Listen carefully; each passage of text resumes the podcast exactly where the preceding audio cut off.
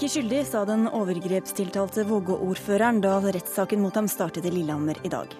Og media lar presseetikken fare og lager reality av en fæl historie, sier forfatter. Hun møter VG, som sender direkte fra tingretten. Fremskrittspartiets bistandspolitikk vil føre til at flere barn kommer til å dø, mener SV. Usmakelig og useriøst, fnyser Frp. Og Venezuelas president Hugo Chávez er en diktator i forkledning, ifølge Civita. Diktatorer blir sjelden valgt, svarer Rødt.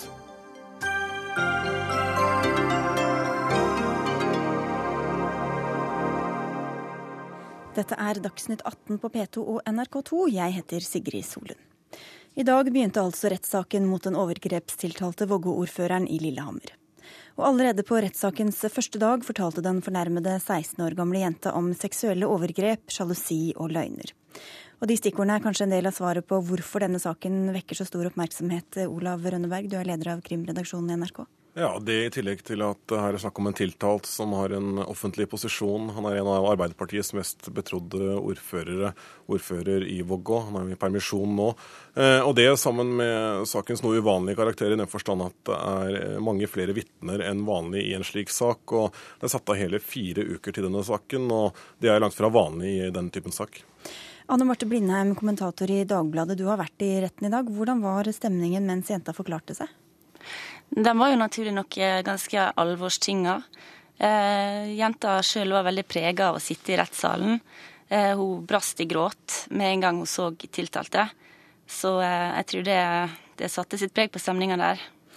Rønneberg, du sa det var satt av lang tid, fire uker til denne saken. Eh, hvorfor trenger de så lang tid? Ja, Det er den omfattende vitneførselen både fra aktoratet, men også fra forsvareren. Det er over 60 vitner som er stevnet inn her. Mange av dem er innkalt for å fortelle noe om Rune Øygard, om hans eh, karakter, også noe om denne unge jenta, om relasjonen dem imellom. Og eh, Det har jo nå etter hvert blitt strid mellom aktorat og forsvarer på enkelte av disse vitnene, og også mellom forsvarer og bistandsadvokat, bl.a. hva angår vitnet Jens Stoltenberg, som det jo var snakk om før her. Ja, for du skriver, Anne Marte Blindheim, at uh, han burde vært det 65. navnet på lista over vitner. Hvorfor savner du Stoltenberg der? Grunnen til det er at her er det jo, det er jo innkalt veldig mange vitner. Uvanlig mange vitner, som Olav Rønneberg sier. Eh, men eh, veldig mange av dem er det strid om mellom eh, aktor og forsvarer, fordi at begge mener at andres, mange av den andres vitner er litt irrelevante. Og da er det jo sånn at Stoltenberg kunne faktisk ha vært et relevant vitne i denne saken her. Hva var begrunnelsen Rønneberg, for at han ikke skulle komme? Dette ble behandlet av retten før saken startet. og Rettens begrunnelse er altså at det ikke har noen betydning for selve skyldspørsmålet for det tiltalen faktisk går ut på, nemlig seksuell omgang med en jente først under 14 og da under 16. Og retten mener at et vitnemål fra Jens Stoltenberg ikke ville hatt noen betydning for det spørsmålet. Eh, og det er også en diskusjon nå rundt flere av de andre vitnene om det vil ha noe relevans for avgjørelsen av straffesaken. Hva, hva syns du om begrunnelsen, Blindheim? Ja, Det jeg tenker om det, er at eh, den er ikke spesielt god. fordi at eh, Begrunnelsen er at eh, han ikke kan belyse noe som andre vitner ikke kan belyse. Men det kan jo snu andre veien også. Kan, han, kan jo, han kan kanskje heller ikke belyse noe mindre. Kanskje han kan snakke om andre ting. Han har møtt, han har møtt ordføreren og jenta sammen ved to anledninger. Den ene var i en middag i statsministerboligen. Så han kunne ha belyst relasjonen mellom de to, tenker jeg da. Eh, og da er det jo på en måte en forskjellsbehandling mellom han og andre typer vitner. Men hvor skadelig tror du det hadde vært eh, for statsministeren å bli trukket inn i denne saken enda lenger inn enn det han allerede er? Han er jo egentlig ikke trukket så veldig langt inn i saken, eh, og det, det burde jo egentlig ikke være en del av begrunnelsen. For han skal ikke behandles Ingen skal behandles på noen spesiell måte pga. sin stilling. Sånn at det burde ikke være et, et hensyn her. Men det er jo klart at det hadde jo blitt fokus på det også. Men her er det jo 50-60 journalister fra hele rikspressen og lokalpressen fra før. Så denne redselen for at saken skal vidløftiggjøres, som de sier, den er jo litt ubegrunna sånn sett. Rønneberg, hvor entydige kan vi vente oss at bevisene er i denne saken? Ja, altså Aktoratet legger jo veldig stor vekt på denne jentas forklaring. Hun har forklart seg flere ganger både til politiet og i et såkalt eh, dommeravhør. Han forklarer seg, som vi hørte, i retten i dag. og Politiet og aktoratet legger stor vekt på hennes forklaring, men så er det også ventet teknisk bevisføring her. Vi får vente og se hva som eh, kommer tilbake der.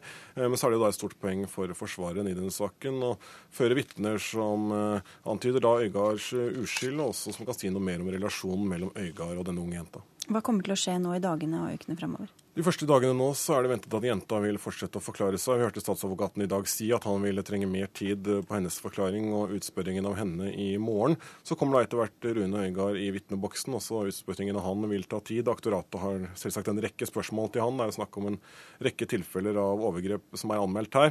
Eh, og I tillegg så har jo selvsagt hans forsvarer også en rekke spørsmål til han. Så mesteparten av denne uken vil gå med til jentas forklaring og til Rune Øygard sin forklaring. Stoltenberg slipper altså å møte, men hvordan han og andre politikere politiske ledere har håndtert denne og lignende saker, skal vi snart snakke om. Takk skal dere ha for at dere kom, med Olav Rønneberg og Anne Marte Blindheim fra Dagbladet. Ikke bare selve rettssaken, men også mediedekningen av den vekker oppmerksomhet. I hele dag har detaljerte direktereferater fra den fornærmedes forklaring fått stor plass på de aller fleste nettavisene. Og en av dem som har reagert på medienes dekning, er deg, Linn Stalsberg. Du er frilansjournalist og forfatter. Hva er det ved dekningen du misliker spesielt? Nei, Det var jo sånn at man skvatt litt når man åpnet uh, nettavisen i dag, særlig VG og Dagbladet, og man så dette samme velkjente rigget uh, som man kjenner fra Breivik-saken, med live, uh, live, sitat og med spørsmål-svar, Twitter, TV-sending, kommentatorer. og man tenker hva all verden er det som skjer?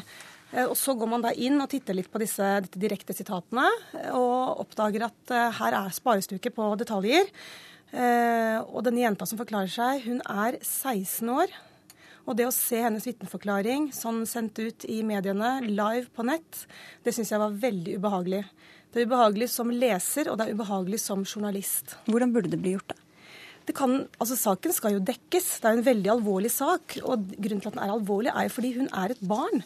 Etter alle rettslige omstendigheter. Og det er hun jo også som, en, altså som et objekt da, for journalistene.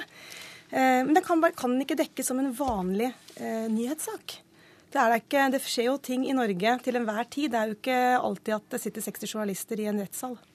Eh, du nevnte VG og Dagbladet, og du er også til stede i Lillehammer. Anders Giæver, du er politisk kommentator i VG. Hva syns du om dekningen dere og de andre har av denne saken? Jeg har hatt mer enn nok med å konsentrere, konsentrere meg om vår dekning, først og fremst. Men den syns jeg har vært god. Hva syns du om eh, de innvendingene fra Linn Stalsberg?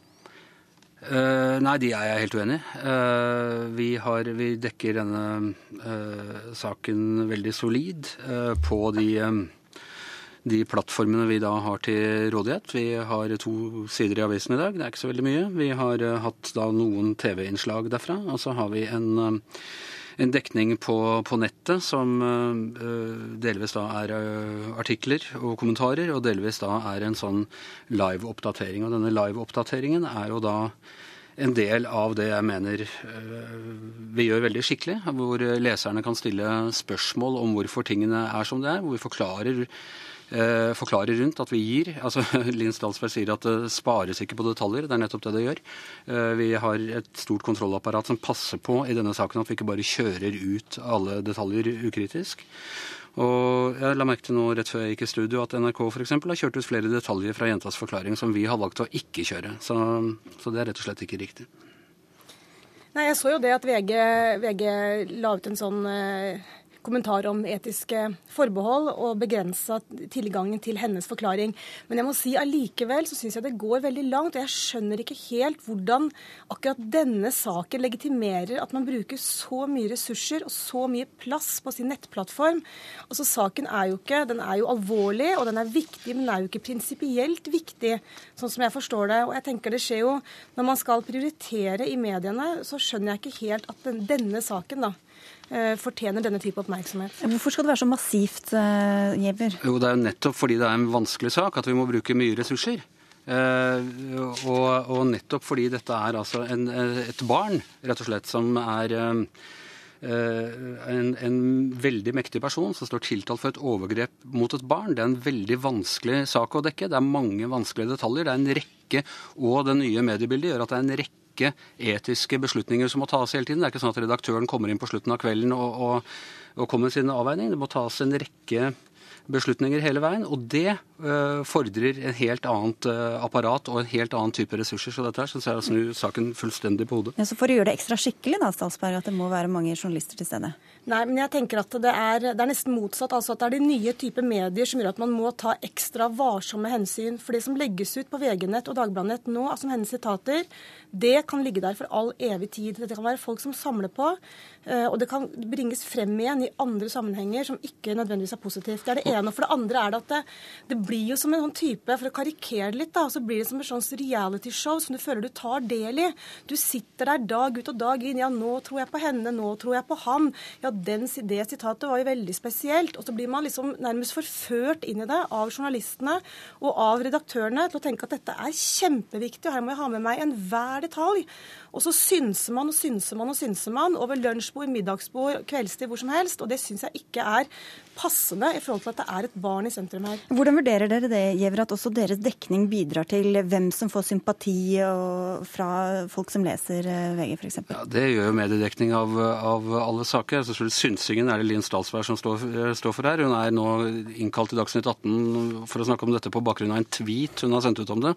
Så, så det er ikke hennes feil? Nei, det er ikke hennes feil, men det er vel det som er synsingen her. Jeg, jeg mener dette er en sak VG og Dagbladet og de andre avisene har jobbet med over veldig lang tid, hvor man har gjort en rekke kildevurderinger og en, eh, og en, rekke vurderinger på hva det er man publiserer og hva det er man uh, ikke publiserer. Og sammenligne det med realityshow, det syns jeg rett og slett er smakløst når, eh, når, alvoret i saken er såpass stort som det der er. Til vårt eget forsvar så er det ikke bare Statsberg som har reagert. Det har vært mange som har debattert denne saken på sosiale medier i dag. Men dette handler jo ikke om politikk, men det handler om en mann med makt og en ung jente som påstår at han har begått uh, overgrep.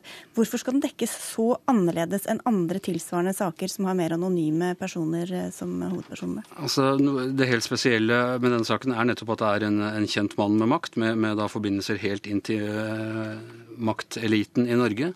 Og den dekkes annerledes enn andre saker rett og slett fordi saken går for åpne dører. Det pleier aldri overgrepssaker å gjøre. Og fordi det er fornærmede selv som har bedt om åpne dører, fordi hun har opplevd at hun og hennes bistandsadvokat har opplevd at Eh, tiltalte har benyttet sin maktposisjon til å Eh, få sin historie ut, sin versjon av historie ut. Hun har følt seg overkjørt som følge av det. og Derfor har hun ønsket, og bistandsadvokatene hennes har støttet henne i det, og påtalemyndighetene, å ha åpne dører, slik at hun får fram sin versjon, som hun altså er i ferd med å gjøre i disse dager. Og da ønsker hun også Salsberg at den nås ut til flest mulig lesere og seere der ute? Det kan godt hende at hun gjør det, men som journalister så har man jo en slags profesjonsetikk. Og jeg kan ikke helt, i hvert fall i forhold til mitt eget ståsted, forsvare det etiske valget som her er tatt. Men har de det begått noen jo... overgrep, da, som du har sett? Eller overtramp? Jeg, altså, jeg syns det har vært svært ubehagelig å lese de direkte meldingene fra rettssalen i dag. Men saken er jo ubehagelig i seg selv? Da. Saken er ubehagelig i seg selv, men jeg trenger ikke de bildene i hodet mitt på hva som skjedde på hotellrommet, hva som skjedde på hytta, hva hun hadde på seg, hva, at han himlet med øynene og han sa ditt eller han sa datt. Jeg vil ikke ha de bildene på netthinna. Det fortjener ikke den jenta at vi alle har. Hvilke hensyn tar dere til slutt, Giæver, til at det er en ung jente involvert som skal leve med dette resten av livet? Eh, jeg gikk vel litt gjennom hvilke hensyn, eh, hensyn, vi tok her. Det er en rekke detaljer vi utelater, og vi har altså, så vidt jeg kunne forstå, vært mer forsiktige enn en eh, NRK, som har kjørt et par detaljer vi ikke ikke ville kjørt. Hvis Stalsberg ikke ønsker disse bildene på, på netthinnen, så må jeg nesten bare anbefale henne å ikke følge dekningen. Takk skal dere ha i hvert fall for at dere kom til Dagsnytt 18 i Anders Giæver i VG og Linn Stalsberg. Og det er ikke bare Arbeiderpartiet og Jens Stoltenberg som har fått sånne tragedier i fanget den siste tiden. Også Trine Skei Grande og Siv Jensen har måttet håndtere saker med sexskandaler og beskyldninger om overgrep der profilerte partimedlemmer har vært involvert. I en kommentar på debattforumet Ytring på nrk.no analyserer du hvem som er kommet best ut av stormen, Elin Strand Hornes. Du er stipendiat ved Universitetet i Oslo, og hva konkluderer du med? Eh, jo, altså i forhold til Øygard-saken, så eh, ser jeg jo på hvordan Jens Stoltenberg uttalte seg. Og dette her er jo snakk om et år tilbake, når denne eh, anklagen ble kjent. Og han var jo veldig tydelig på at han tok ikke parti. Um, han uh, ville jo at rettsapparatet skulle avgjøre dette. Um, og uh, Men når han da også fikk spørsmålet om er du dette her er jo en venn av deg, du har jo fremstilt han som et forbilde osv. Nei, da på en måte nyanserte han det og uh, sa at dette Nei, han var bare en på en måte en partikollega, en som er kjent, en bekjent som er kjent i flere år. Og hvordan, eh, Du har også sammenlignet med da, Siv Jensen og Trine Skei Grande. som ja. uh, no, Hvordan klarte de selv, hvordan taklet de det i forhold til Stoltenberg? Eh, nei, altså Siv Jensen eh, Kanskje først i forhold til Birkedal-saken, så var det jo Gikk veldig tydelig ut og eh, tok avstand. dette her dette her var ikke en partisak, dette her var en personlig sak. Um, Uh, ja. Hun, ja. Og hun fikk jo ganske mye kritikk også for den uh, måten hun håndterte ja, saken på. Um, det var på en måte altså, Ved å ta så avstand fra saken, så, eh, så virket det som hun ikke tok helt saken på alvor. Og eh, også da når hun går skrittet videre og begynner å angripe mediene, som kanskje tidligere har vært en ganske effektiv strategi for Frp, Eh, ved å si at nei, altså dette her er en forskjellsbehandling av partier, så fungerte dette her i en såpass alvorlig sak veldig, veldig dårlig. Og så kom Bård Hoksrud-saken med sexkjøp i Riga, som hun også måtte forholde seg til. Ja, og igjen så fortsatte hun egentlig på samme strategien. Eh, med også igjen på en måte dette her er ikke en partisak, og eh, dette her Ja, og så var det Trine Skei Grande som har fått mye ros for hvordan hun håndterte saken eh, der nestlederen eh, ble beskyldt for overgrep, som ja. han da innrømmet å ha sex med en ung jente i partiet. Mm. Eh, så hun tok en helt annen eh, strategi enn en Siv Jensen igjen. Hun gikk jo ut og tok eh, egentlig veldig klart eh, standpunkt i denne saken. Hun, hun på en måte stilte seg veldig klart på siden til denne jenta. Eh, men nå er det jo klart at i denne saken så hadde jo faktisk Solum Larsen gått ut og innrømmet at han hadde hatt sex med denne jenta. Så dette her er jo en klar forskjell eh, fra hvis vi ser tilbake på Øygard-saken igjen, eh, hvor han benekter enhver straffskyld. Det må jo være vanskelig for enhver partileder å få en sånn sak i fanget. Hvordan tror du de veier for og imot eh, hvor mye de skal gå inn i saken? Ja, ikke sant? Det er, det er jo veldig vanskelig å eh, vite hvordan man skal håndtere dette. Altså, jeg anbefaler i hvert fall at de eh, går ut og i hvert fall viser at de tar tydelig ansvar av denne saken. Og instinktivt så vil jo partiledere ønske å på en måte markere avstand til den som som er anklaget, men at det da på den andre siden også ikke tar så avstand at det virker som du skyver saken under teppet. Tusen takk skal du ha for at du kom, Elin Strand Hornes. Ja, tusen takk.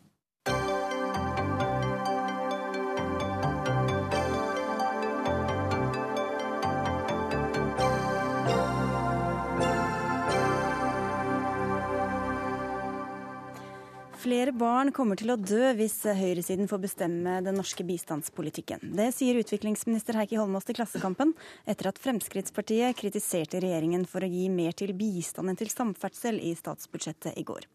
Utviklingsminister Heikki Holmås, hvordan belegger du dette at flere barn ville komme til å dø?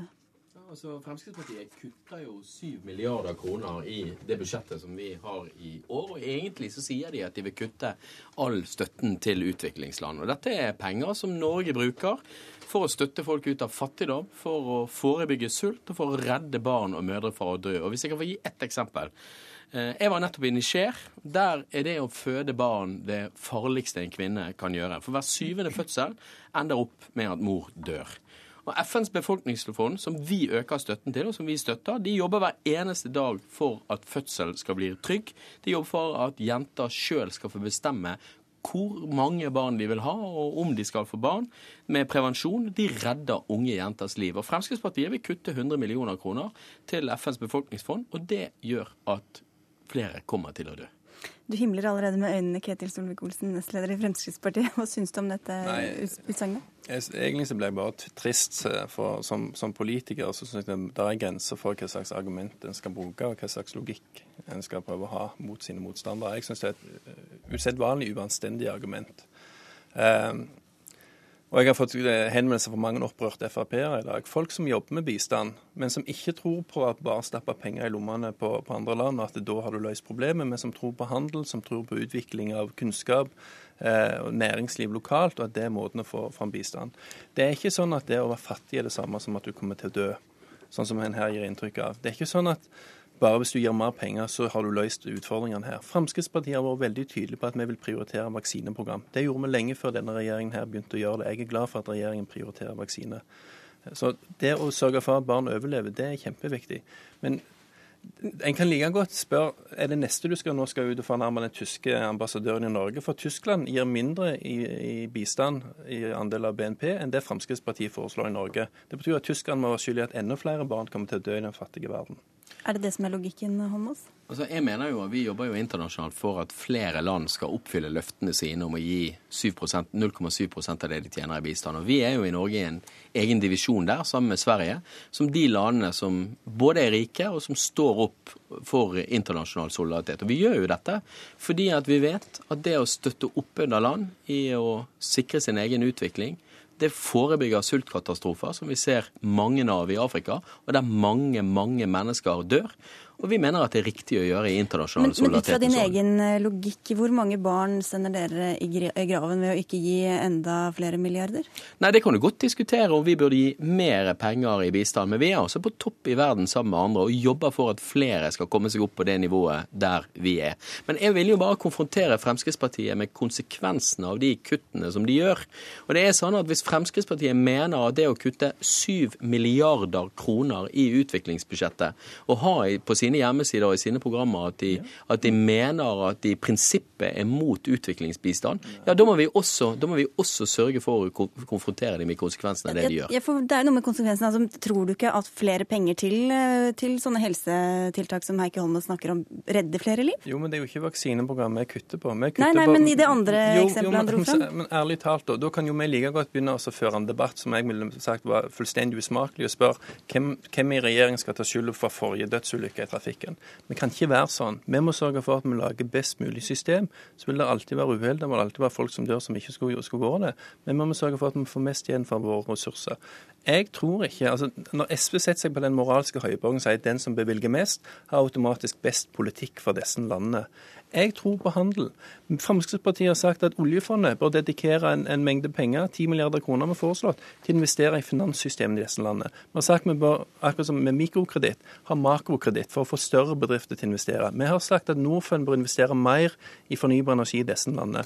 Det er måten vi tror dette hjelper på. Det å sende penger ned og tro at plutselig så, så, så, løser du mye av de konfliktene som er der, som delvis er basert på marxistisk feilslått politikk, som, som eh, Heikki Holmåsen leder stolte på inntil nylig, det tror ikke jeg noe på.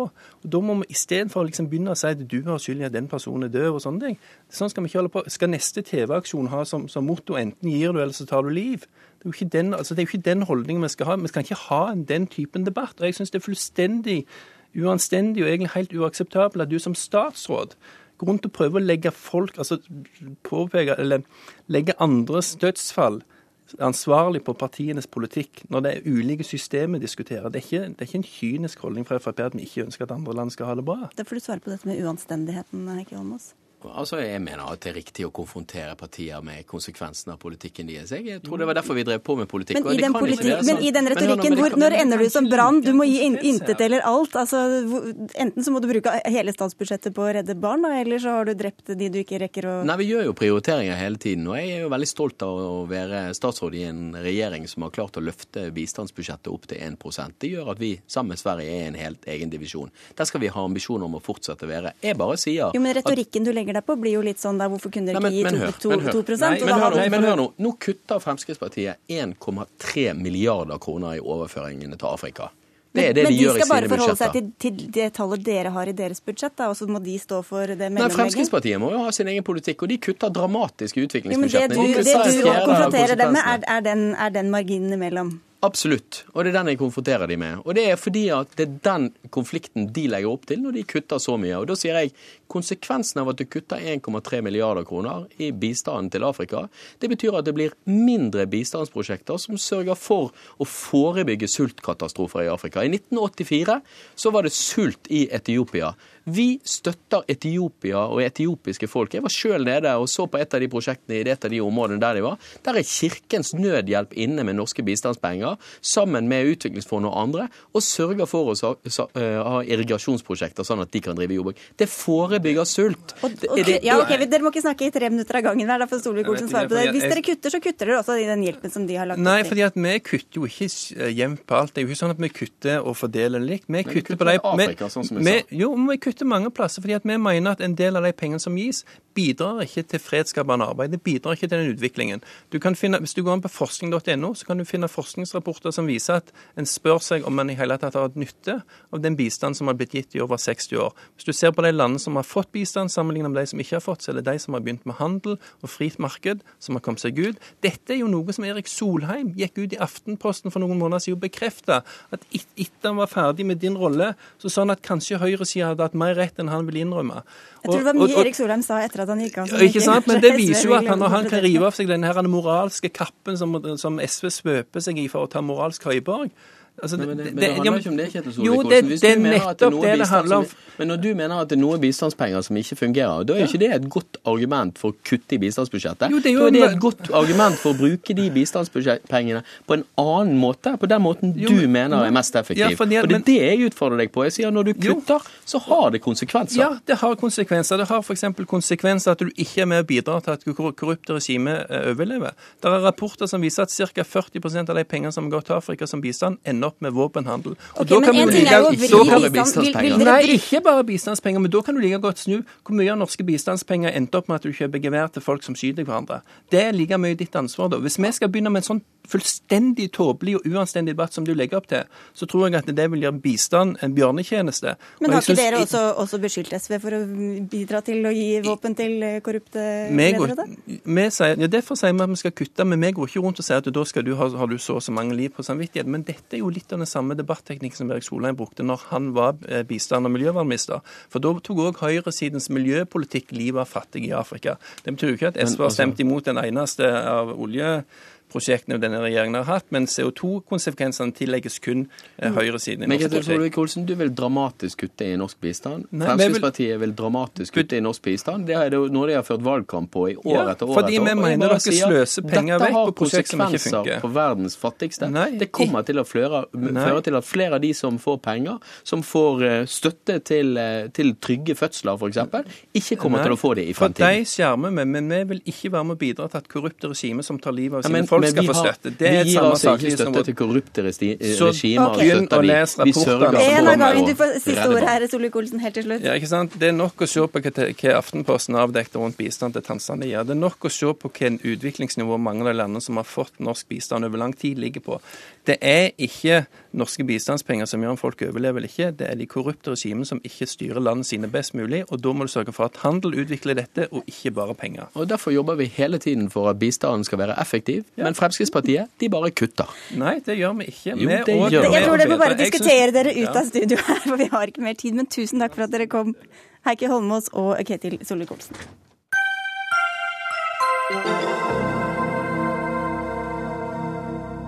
Og diskusjonen fortsetter. Hvitsnippkriminalitet er verre enn annen økonomisk kriminalitet, og den bør straffes hardere. Det skrev du, professor ved BI Petter Gottschalk i Dagens Næringsliv i forrige uke. Hvordan er hvitsnippkriminelle verre enn andre kriminelle, Gottschalk? Altså Det som er spesielt med denne gruppen, eh, er ikke kriminaliteten de begår, for det er all slags økonomisk kriminalitet, men altså hvilken posisjon de utnytter for å begå kriminaliteten og gjemme den og tilsløre den etterpå. Altså Dette er mennesker på toppen av vårt samfunn, i politikk, næringsliv, forvaltning, som vi har gitt betydelig makt. Vi har gitt dem tillit, vi har gitt dem posisjon, og så misbruker de det til egen vinning. Og det er eh, grovt. Så det er motivene som gjør det annerledes enn for de andre kriminelle? Ja, altså Ikke motivet i betydningen grådighet eller noe sånt, men, men, det at de opplagt har en mulighet. altså Det er mye lettere for dem å begå økonomisk kriminalitet enn andre fordi at vi har gitt dem så store og vide fullmakter. Derfor er det så mye verre når de først bryter denne tilliten. Dette er mennesker vi har sett i media, fulgt i media i mange år, som har bygd opp bedrifter ekspandert til utlandet. De har gjort veldig mye flott, og så viser det seg at de egentlig var noen drittsekker. Advokat Bjørn Storedrange, du skriver i et svar til DN at uh, Gottschalk går rett i Økokrimfella. Hva mener du med det? Ja, jeg mener at uh, Gottschalk begår minst to feil. Det ene er at han maler et bilde som er altfor unyansert. Den typen eh, lovbryter som han beskriver, de finnes. Men alle hvitsnippkriminelle eller tiltalte i Økokrim-saker er ikke slik. Det er minst like mange som helt uforvarende har kommet til skade for å begå et lovbrudd. F.eks. For fordi de ikke kjenner det regelverket de, de burde kjenne. Eh, og så sier jeg også at han, han går i Økokrim-fella fordi han tror at akkurat denne type kriminaliteten er det største problemet samfunnet beskjeftiger seg med. Og det er etter min oppfatning ikke. For forbrytelser mot liv, legeme og helbred er et større problem, og da kan man ikke straffe økonomiske saker like alvorlig som drap. Ja, for det høres kanskje litt rart ut, uh, Gottschalk, at, at det er verre med økonomisk kriminalitet enn med vold og Nei, altså, Begrepet verre er ikke betydningen at de istedenfor to år skal sitte ti år i fengsel. Det er ikke det som er poenget. Poenget er at det er så stor skuffelse og det er så stor fallhøyde når de først eh, blir tatt. Det som, det som, kanskje er litt problematisk for Bjørn Strådang å forstå, det er at uh, dette begrepet hvitsnippforbryter er ikke noe juridisk betegnelse. altså Det finnes ikke noe lover hvor det står hvis du begår en hvitsnippforbrytelse. Hvitsnippforbrytelse betyr bare at du begår økonomisk kriminalitet, men det sier noe om personen som gjør det. Så dette er altså et lite utvalg av personer. Dette er ikke spesielt mange. altså Det er en hundre i året som blir tatt. Og så kan vi anta at det kanskje er bare 10% som blir tatt, så da er det kanskje sant, 1000 i året som begår hvitsnippforbrytelser. Det som, det som eh, jeg syns var forferdelig med svaret til Bjørn Stordrenge, var minst to ting eh, der også. Det, det, det verste var da han skrev at han ville unnskylde hvitsnippforbrytere fordi regelverket er så komplisert, og det burde jeg engasjere meg i. Altså Det er veldig vanlig blant, blant forbrytere, og særlig blant hvitsnippforbrytere, at man unnskylder seg f.eks. med at regelverket er for komplisert. Da er det noen som aldri kan unnskylde seg med et vanskelig regelverk, det er hvitsnippforbrytere som har kommet til disse posisjonene i kraft av at de har peiling, de har kunnskap, de har initiativ, de har pågangsmot. De kan ikke unnskylde seg med noe slikt. Igjen, altså Gottschalk eh, diskuterer ut fra sine egne premisser, ut fra et begrep som han kaller hvitsnipp. Når jeg snakker om Økokrim-saker, som er en kategori straffesaker som skilt ut stort sett til behandling gjennom det norske Økokrim, så omfatter også det en rekke saker hvor personer har begått ulovlige handlinger uten å være klar over det, fordi de ikke kjenner regelverket godt nok. Men hvor man i ettertid gjerne kan si at de burde ha gjort det. Men de, de passer ikke inn i det bildet som, men, som eh, Nei, de gjør ikke det. De men gjør Kan ikke du tegne litt tydeligere Gottschalk, det bildet ja. nettopp? Hva, hvordan ser de på seg selv, mener du, disse hvitsnippforbryterne? Nei, altså Disse personene ser på seg selv som samfunnsbyggere. De har tatt noen shortcuts for å få til ting. De har jo globalisert virksomhetene ved å bestikke regjeringer i Libya, i Kina, i Vietnam. De har gjort en del sånne ting, men målet hellige middelet, f.eks., tenker de. At det gjør ikke noe med litt korrupsjon, det blir litt underslag hvis dette går bra. Altså Det som er, det som er problemet for, for Bjørn Stordrange, det er at han er jurist. Og juss er for alvorlig til at vi kan overlate til jurister.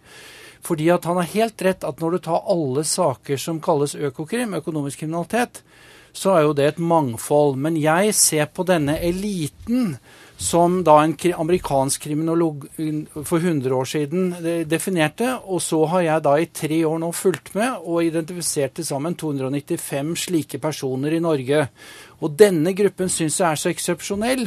Og Bjørn Stordrange er forsvarer for noen av dem, og han har forsvart mennesker som er blitt frikjent. Ikke nødvendigvis fordi at de var uskyldige, men fordi politiet hadde gjort en for dårlig jobb. Eller kanskje de hadde en veldig god advokat? Eh, ja, det, ja, men det er det skumle her. Det er det skumle, fordi at en av problemstillingene her er at faktisk en rik klient kan betale firmaet til Bjørn Stordrange til å gjøre en ekstrajobb.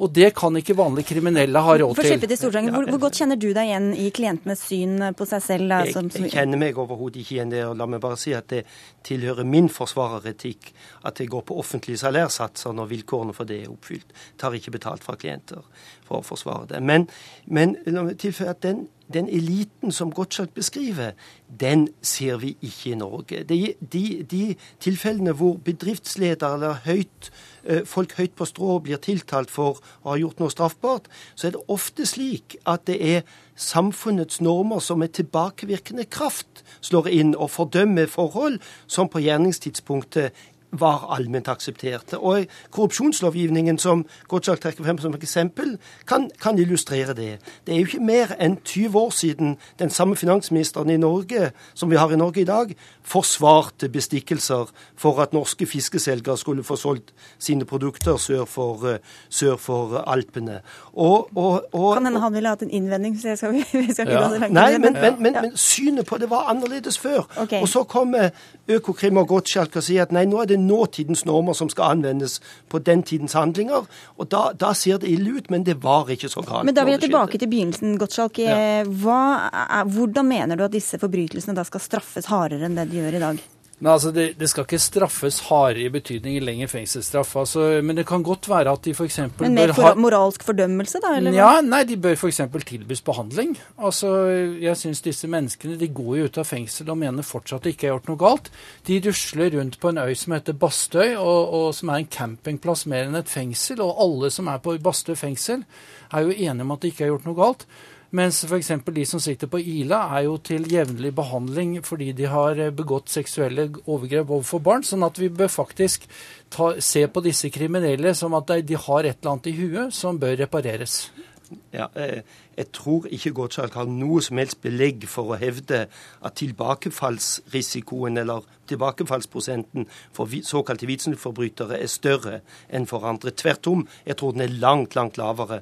Men jeg er enig med ham i når han nå sier at han ikke er tilhenger strengere straffer. Det tror ikke jeg heller løser problemet for den sektoren. Vi får avslutte med det. Takk skal dere ha for at dere kom til Dagsnytt 18, advokat Bjørn Stordrange og Petter Gottschalk, professor ved Handelshøyskolen BI.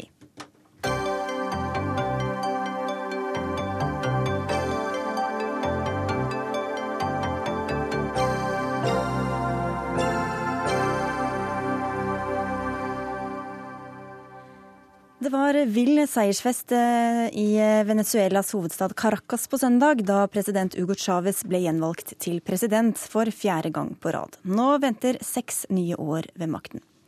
Prosjektmedarbeider i Civita og høyrepolitiker Christian Tonning Riise, du mener eh, Hugo Chávez er en diktator i forkledning. Hva kler han seg ut som? Nei, så Jeg mener at eh, det er hevet over enhver tvil at eh, Hugo Chávez i økende grad har eh, begynt å opptre som en autoritær leder. I dag så er ytringsfriheten ganske sterkt begrenset. Eh, medier som kritiserer presidenten, får f.eks. ilagt bøter. De risikerer å bli straffeforfulgt. Domstolene har eh, sluttet å være uavhengige. I Caracas i dag sitter det for eksempel, bare for å nevne et eksempel, sitter det en dommer som er eh, fengslet. Heter Maria Fioni, som jeg besøkte i fjor. Og hun sitter fengslet for å ha sluppet fri en fange som hadde sittet i varetekt for lenge. Fordi han da også hadde et eh, litt ekstra dårlig forhold til presidenten, så ble hun altså fengslet for å ha gjort det.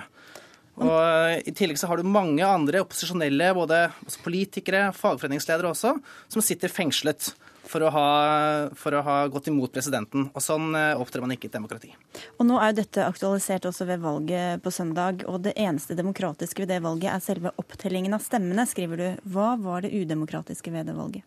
Det legger jeg jo det at uh, i et demokratisk valg så er det veldig mye mer enn bare det som skjer på selve valgdagen som teller. Det er f.eks. om begge kandidatene kan slippe til likt i, i pressen. Det er én ting. At, uh, man, at begge sidene av politikken kan uh, fronte sitt syn og ikke være redd for at man blir straffeforfulgt. Et eksempel for eksempel, som var ganske viktig i det valget her, var at du for å stemme i stemmemaskinene så var det f.eks. krav om at man skulle legge ved fingeravtrykk. Mange velgere i Venezuela var jo redd for at det fingeravtrykket skulle lagres sånn at man lagret de opposisjonelle i et register. Og det henger sammen med en situasjon fra 2004, hvor altså alle som skrev under på en underskriftskampanje mot presidenten, Eh, de ble offentliggjort, og så ble hundrevis av arbeidere streiket fordi de hadde stemt mot presidenten.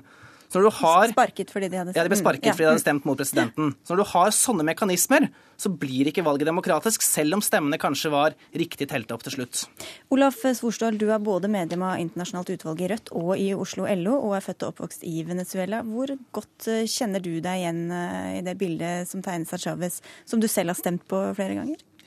Altså, jeg vil bare si at eh, Når det gjelder det som Tønning Risse her sier, så er det faktisk slik at eh, Capriles hadde tilgang til samtlige private kanaler i valgkampen. Som har Det var motstanderen til Hugo Chávez. motstanderen til Hugo Chávez. Også til statlig Venezuela, venezuelaner televisjon, med, som kjørte alle tallene hans faktisk extenso, ettersom de er veldig korte, tallene til Capriles på sju minutter, så går det greit. Pluss at flere opposisjonelle ledere hadde også tilgang til venezuelaner televisjon.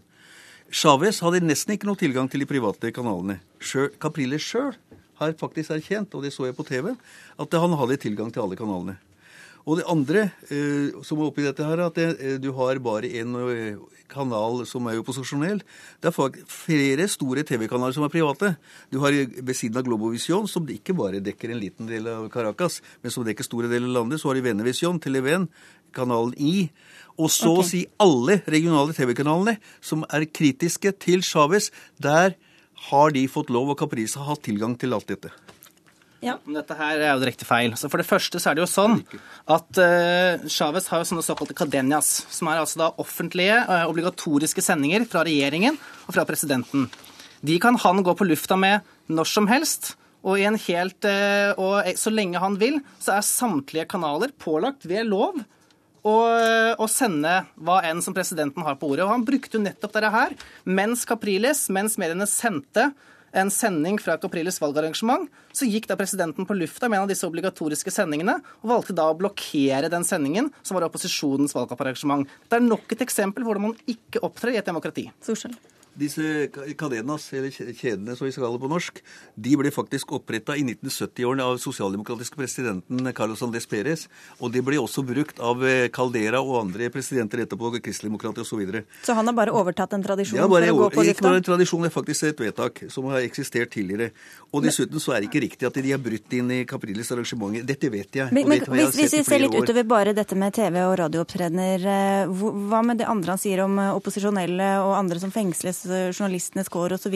Hvor demokratisk er Venezuela da, Nå nevnte ikke han journalistenes kår, gjorde det? Eh, Jeg nå? nevnte f.eks. Maria Fioni, som Ja, er en dommer. Ja, som dommer, ja. Det kan jeg nevne Du, men han har skrevet litt om journalistene. Ja, Ja. men uh, bare, ja, apropos Fioni. Det er faktisk slik at det, det ble begått en feil.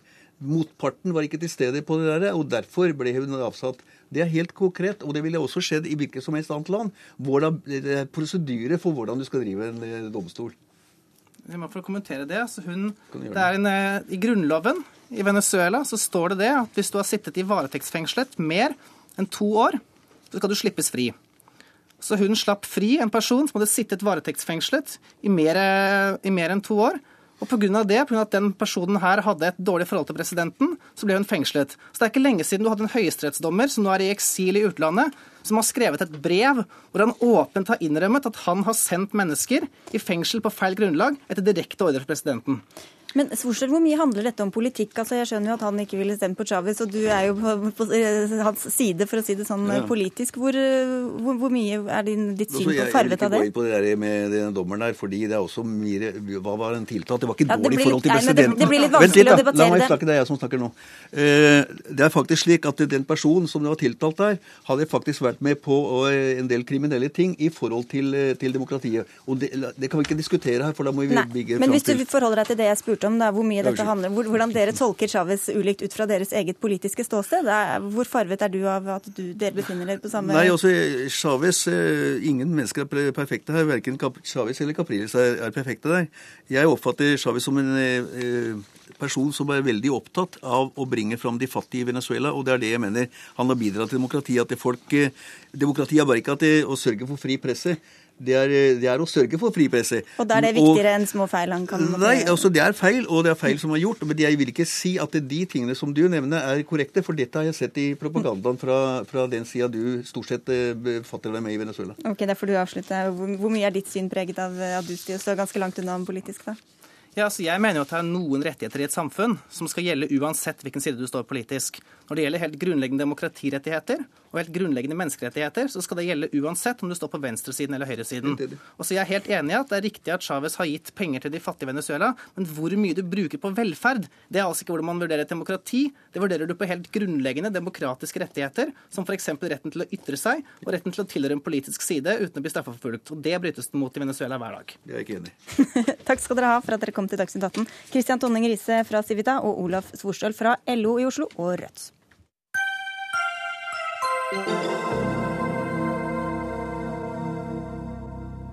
Regjeringens budsjettforslag om å øke beskatningen av ligningsverdien på bolig nummer to vakte umiddelbart reaksjoner fra Huseiernes Landsforbund. De mente at ordningen ville føre til at mellom 20 og 30 000 utleieboliger forsvinner fra markedet. Og dette har fått deg til å skrike opp om bøllete oppførsel fra forbundet, Andreas Halse, du er leder i Sosialistisk eh, Ungdom. Du sier at Huseiernes Landsforbund bøller motstanderne til taushet. Hva mener du med det? Jeg mener at det som er reaksjonen nå, er en veldig kjent eh, strategi fra Huseiernes Landsforbund at eh, vi har et boligmarked som er veldig vanskelig å komme inn på for min generasjon. Vi har eh, mange leietakere som betaler 12 13 14 15 000 kroner for en leilighet i Oslo.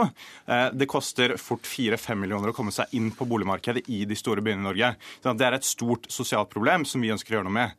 Og så er det sånn at Hver gang noen foreslår tiltak for å gjøre noe med det, som er sosiale, så kommer huseieren Landsforbund med da Batta i spissen, med en rekke skremselspropagandateknikker og ting som jeg mener er på grensa til, til bøllete for å presse motstanderen på plass. Jeg mener at de kommer nå med en rekke udokumenterte påstander som skremmer veldig mange mennesker. F.eks. så sier det det at hvis det her går gjennom, hvis vi øker altså ligningsverdien på bolig nummer to fra 40 til 50% Altså at man må skatte mer av å eie flere skatte, boliger? Ja, enkelt og greit. Det er viktig, det er prinsipielt skille mellom bolig én og nummer to. Men at hvis man øker eh, skatten på den boligen man selv ikke bor i, så vil leieprisen gå opp. Eh, og Jeg mange kamerater som har sett de utspillene som blir veldig redde av propagandaen som husherrene farer med, fordi at man har Det er folk som eh, har en jobb, folk som er studenter osv., som har en allerede pressa økonomi. Når sånne påstander kommer, så blir folk redde. Og tør ikke å stemme på SV? Jo da, det, det gjør de. fordi heldigvis så har jeg smarte folk, så når de går gjennom tallene, så ser de jo at det her holder ikke mål. Ikke sant? Og det er jo den strategien de har hver gang vi foreslår noe som er sosialt. Så kommer de med udokumenterte påstander. Mm. Skremselspropaganda. Batta, som okay. er hans sjef, klarer ikke engang å si selv at det er sant. Da må vi få til hans sjef. Altså Han, det er deg, Dag Refling, ja. utredningssjef i Huseiernes Landsforbund. Du får svare på denne bølle... Nei, altså vi, vi har ikke for vane å kalle andre for bøller. Eh, jeg ser jo derimot at flere fra SV har for vane å kalle utleiere for spekulanter. Vi blir altså nå kalt for bøller osv. La dette ligge. Tallenes tale er klar. Allerede i dag er formuesskatten utgjør over 10 av brutto leieinntekt på en vanlig bolig. Denne regjeringen har altså fjernet skattefri utleie for tomannsbolig. Den har også fjernet adgangen til å leie ut inntil halve året skattefritt. Den har økt formuesskatten på disse utleieboligene i to trinn, og de går inn for økt eiendomsskatt i den ene kommunen etter den andre. Så tillater de seg å gi utleierne dårlig omdømme, og så forundrer de seg til slutt over at både leien øker, og at tilbudet går ned. Altså, det er vel dette han kaller skremselspropaganda fra deres side? Det er jo ikke skremselspropaganda. Vi kan jo se på tallene her. Ja. Altså, jeg mener Når over 10% av leieinntekten går direkte inn i statskassa som formuesskatt altså, Hvis jeg ikke som utleier eh, ikke får dekket inn igjen de ekstrakostnadene, så selger jeg bare boligen. Og så setter jeg pengene i noe helt annet. Altså, Du rammer jo ikke utleierne av dette her. Men, ja, og Dette handler vel også da om en ren uenighet om hvilke virkemidler man skal ta i mm. bruk? da, altså Hvorfor er det bøllete oppførsel å komme med det? Det er fordi at det for det første er feil påstander. La meg gå gjennom tallene først. Det er at Hvis du har en bolig som er verdt 3 millioner, som du ikke har noe lån på, så vil den skatteøkningen vi har foreslått på være 275 kroner i måneden. Det vil ha en veldig liten effekt. Peter Batta er uenig i de tallene. Han har sin, sine egne tall. Eh, når han blir bedt av NRK om å kommentere hva slags beregningsgrunnlag han har gjort det på, så sier han at 'jeg vil ikke gå inn på regnestykket, jeg er jo tross alt sosialøkonom'. Det er et argument som jeg mener at ikke holder. Eh, det er ikke sånn at jeg vil føle til at mange, veldig mange selger boligen sin. Hvis det derimot hadde vært sånn? Sånn som vi vil ha gjerne øke skattetrykket enda mer fra med bolig nummer to. At de måtte selge, så mener jeg at det ville vært bra. For det ville gitt at, gjort at min generasjon, som ikke har mulighet til å komme inn på boligmarkedet nå, ville hatt større tilbud av leiligheter som vi kunne kjøpe. Det er en god sosial profil. Det omfordeler fra de som nå sitter godt i det, både spekulanter og veletablert middelklasse, og gir til ungdom og folk uten eiendom. Refling, jeg vet ikke om du svarer på det regnestykket, fordi det er jo riktig som Halse sier at NRK også gjorde sin egen eh, regnestykke som endte opp litt annerledes enn dere, og dere ville ikke helt gå inn i tallene? Jo, jeg, jo selvfølgelig går jeg inn i tallene, og du regner til og med riktig. Altså, Det er ikke noe feil i det. Denne økningen er i seg selv marginal. Men vi må huske på at allerede fra før så tar altså formuesskatten over 10% av bruttoinntekt, og så økes den med 25% til 12,5% Men hvor, Hvordan vet dere da at mellom 20 000 og 30 000 ikke lenger vil leie ut boligen sin med en så marginal økning? Du vet, eh, Når det gjelder prognoser på disse tallene, her, så er det veldig vanskelig å være presis.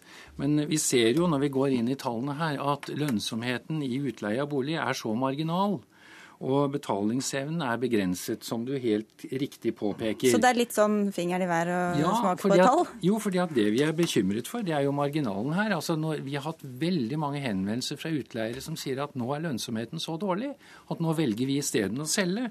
Og når du sier at du ikke har spekulanter inn, eller hva du kaller dem altså, de Det er jo ingen som kjøper boliger for å ha dem stående tomme.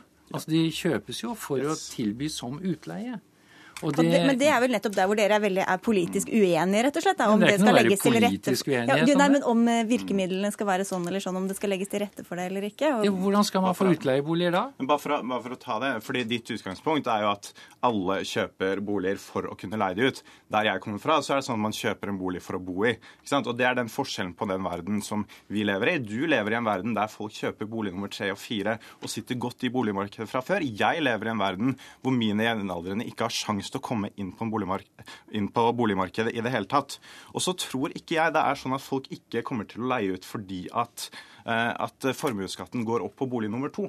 Det vil jo bare gjøre det mer attraktivt å leie ut, fordi det vil bli relativt eh, sett dyrere å ikke leie ut leiligheten. For det er jo ikke leieinntektene vi beskatter, det er jo boligen som formue, formuesobjekt. Og så er jeg glad du nå sier deg enig i de tallene vi har. De benekta Batta i stad, siden han hadde sine egne tall. Jeg er glad du går tilbake nå og sier deg enig med våre beregninger. Det har aldri vært uenighet om dette. altså. Eh, det står jo i statsbudsjettet hvor mye formuesskatten øker med, og det har vi jo regnet ut mm, helt korrekt. Så uenigheten går vel på hvor mange som da Men det var de prognosene du snakket om? Nei, altså Uenigheten er på virkningen. Mm. Men ja, nettopp. Men jeg vil også spørre deg, du hører jo hans virkelighetsbeskrivelse. Føler du en uh, sympati med, med, den virkeligheten som mange, særlig unge, opplever, mm. som er en veldig langt fra den dere sitter i? Jeg tar hans virkelighetsbeskrivelse veldig på alvor. Og jeg Eh, syns det er veldig ille hvis det er slik at unge mennesker ikke kommer inn på boligmarkedet. Men hvordan kan man da finne på altså Den regjeringen som du representerer, har jo altså økt kravet til egenkapital når du skal kjøpe bolig. Så kommer de ikke inn. Men det er et annet virkemiddel. Men så, et, et, annet et er jo ja, da å, å, gjøre det å dempe prisveksten ved å ikke legge til rette for at folk skal kunne kjøpe bolig nummer to og tre for å leie ut. Ja, men altså Hvis ingen kjøper bolig for å leie ut, hvor skal vi få leieboliger fra da? Altså, det, må jo, det er jo sammenheng i disse tingene. Altså, alternativet til at folk kjøper boliger for å leie ut, er at folk kjøper bolig for å bo i. Og det er der vi er uenige. Mens du mener at den Men du, eneste... Vil du ikke ha et leiemarked i det hele tatt? Jo da, jeg vil ha et leiemarked. Og jeg, og jeg tror ikke at det her kommer til å føre til at ingen leier ut lenger. At det er luftargumentasjon. Og det får vi også se nå, om, om tallene faktisk fører til at Men vil du ha et privat leiemarked fortsatt? Ja da, vi er for et, et leiemarked. Vi er for et studentleiemarked. Men vi vil omfordele på boligmarkedet fra de som sitter godt i det, til de som står utafor, og de som leier. Da er skatt på boliger man selv ikke bor i, et godt virkemiddel og gir oss mer penger å bruke til de som trenger det. Og da er vi tilbake på kjernen av uenigheten. Får... Nei, altså jeg, alvorlig talt, jeg, jeg, jeg har litt vondt i maven fordi eh, vi ser ikke effektene her. Takk skal dere ha for eh, at dere kom til Dagsnytt 18. Vi rekker ikke mer. Andreas Halse fra SU og Dag Refling fra Huseiernes Landsforbund.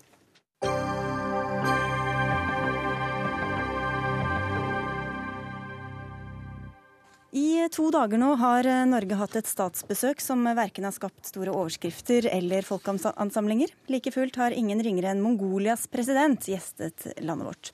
Journalist og til daglig redaktør for skjønnlitteratur i Aschehoug, Christian Kjelsrup, du møtte presidenten i den mongolske hovedstaden Ulan Bator i fjor, og igjen i Oslo i går. Hva gjorde han her? Han er på besøk for å lære av Norge. Eh, Mongolia befinner seg på mange måter i den eh, situasjonen Norge var i da de fant olje.